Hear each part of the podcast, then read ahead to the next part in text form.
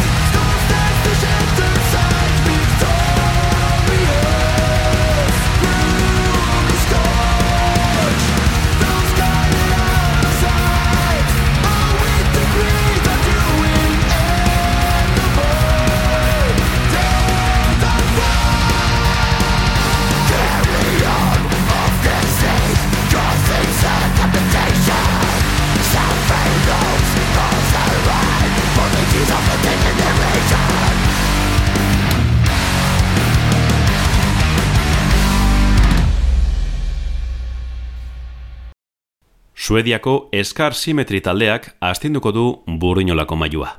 Ia amar urte behar izan dituzte The Singularity trilogiaren bigarren atala plazaratzeko. Phase 2 Xenotap da bere izenburua. Death metal melodikoa modernizatu zuten lurtar adimentsuak bueltan dira. Baina nondik datoz? Scorch Quadrant abestiarekin abiatutugu programa. Grabazio estudio batean elkartu ostean, 2000 eta lauan sortu zuten Scar Symmetry banda Suediako abesta irian. Jonas Kelgeren, gitarristaren Black Lounge estudioetan gertatu zen. Alter eta Eon taldea estaineko diskoa grabatzen ari zen, eta banda horretako kideen artean zeuden Per Nilsson gitarrista eta Henry Colson bateria jotzailea. Kelgren, Nilsson eta Olson musikariek indarrak batu zituzten death metal melodiko eta progresiboa lantzeko. Gutxira, boskotea osatu zuten Christian Albestam abeslariarekin eta Kenneth Sale basu jolearekin.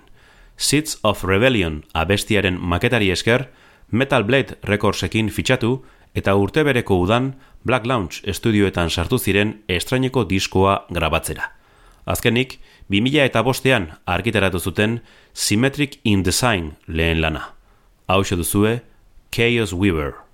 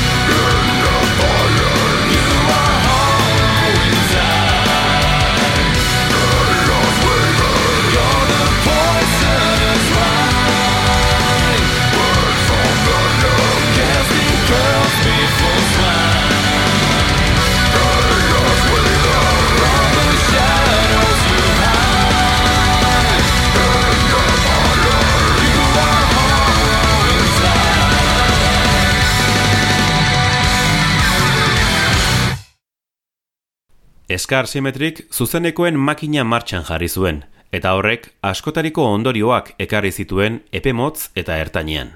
2006an Nuclear Blast diskoetxe ezagunarekin sinatu eta Pitch Black Progress bigarren diskoa plazaratu zuten. Babes berriak edapen handiagoa ziurtatu zien eta MTVko Headbangers Ball saioan The Illusionist singlearen bideoklipa nabarmendu zuten. Eraberean, metal aldizkarietan lekua egin zieten. Hona hemen aipaturikoa bestia, The Illusionist.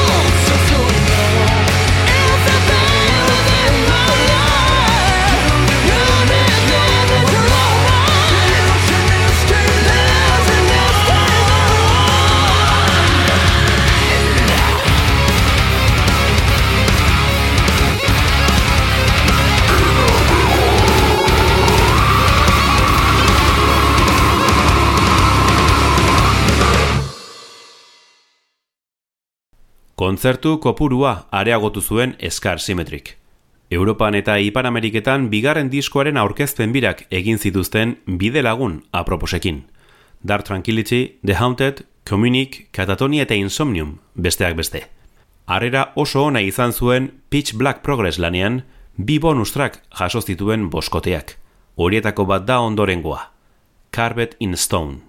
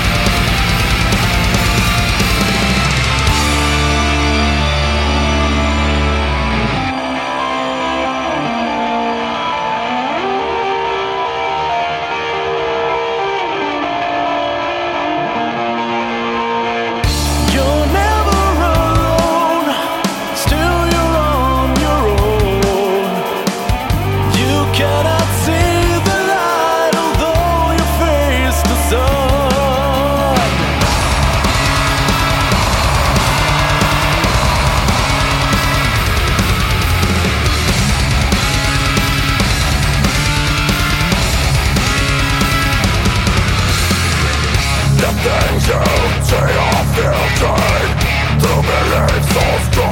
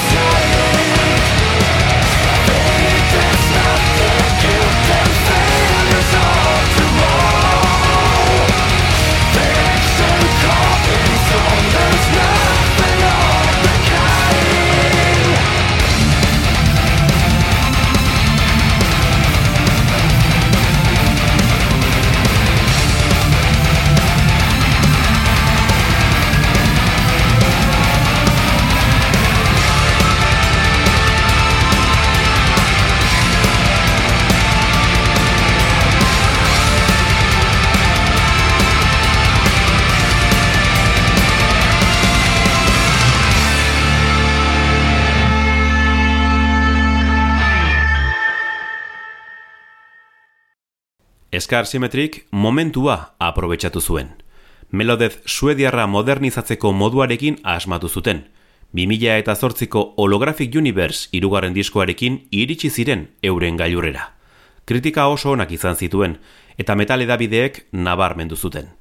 Batez ere, proposamen berritzaileagatik eta ahots urratuak zein melodikoak egiteko gaitasuna zuen abeslari bikain bat izateagatik. Christian Albestam. Taldearen zutabe garrantzitsuetako bat zen Kelgren, Nilsson eta Olson kideekin batera. Ordea, lanberria zuzenekoetara eramateko makina matxuratu zitzaien. Albestamek ez zuen erritmo horrekin jarraitu nahi, eta bidean geratu zen. Haren talentua bi abeslarirekin ordezkatu behar izan zuten. Horrela, Robert Carlsonekin eta Lars Palmquistekin itzuli ziren errepidera. Ona hemen, Holographic Universe. Wow.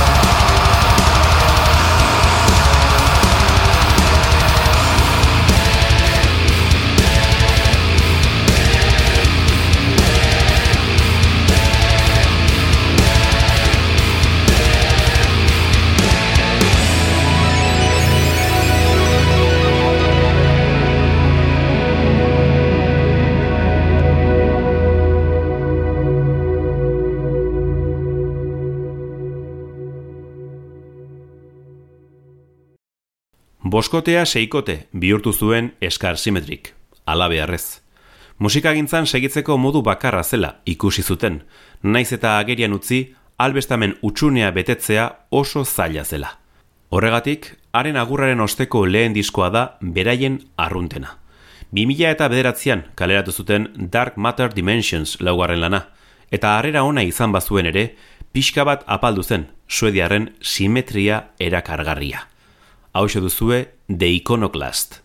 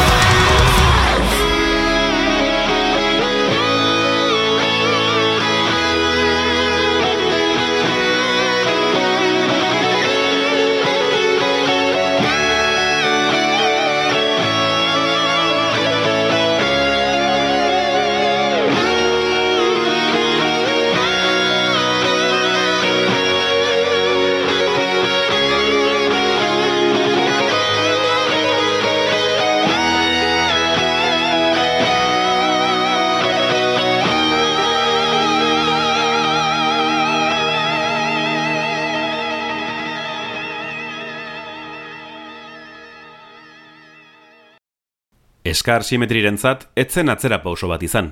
Musikalki garatu zuten formulari eutxi zioten, bi abeslari berrirentzat egokitu harren. Dark Matter Dimensions diskoa baliagarria izan zen kontzertu bira onak egiteko. Behemoth, hipokrisi eta epika gisako taldeekin aritu ziren, besteak beste. Lanik borobilena ezpada ere, bonus pare bat ditu, eta honakoa da esanguratsuena. Paria.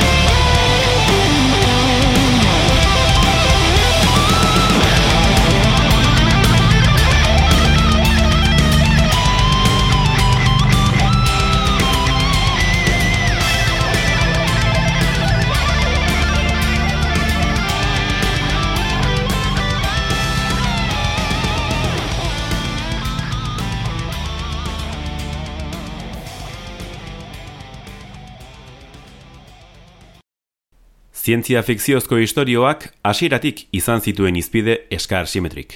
Horiek idazteaz Olson bateria jolea arduratu da, eta orain arte erreparatu ezpadiogu ere, bosgarren diskotik aurrera aldarrikatu zituen haren kontakizunak. 2000 eta amaikako The Unseen Empire lan apartarekin freskotasuna berreskuratu zuen bandak, batez ere, komposizioari dagokionez. Ordura arteko pieza melodikoenak ditu. Letrak berriz, ez daude errealitatetik urrun. Diskoa kontzeptuala da, aurrekoen antzera, baina ulertzeko errazagoa. Gizartea, txotxongilo baten antzera manipulatzen duen elite ezkutu bati buruzko istorioa kontatzen du Olsonek. Hau duzue, The Anomaly.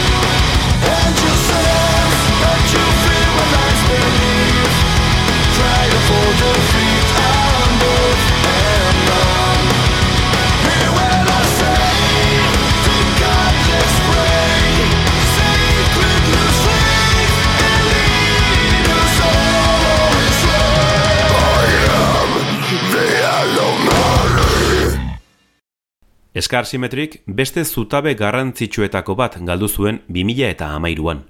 Kelgren sortzaile eta gitaristak haren estudioko bete beharrak lehen etxi zituen, baita beste proiektu batzuk ere. Gainerako kideek boskote bihurtuta egin zuten aurrera, eta behinbeineko bigarren gitarista soilik kontzertutarako erabili zuten. 2000 eta amalako urtarrilean trilogia bat lantzen ari zirela iragarri zuten. Adimen artifizialari eta transhumanismoari buruzkoa izango zela aurreratu zuten. Ilabete batzuk beranduago kaleratu zuten lehen atala edo fasea, euren diskografiako seigarren diskoa. The Singularity, Phase 1, Neo Humanity.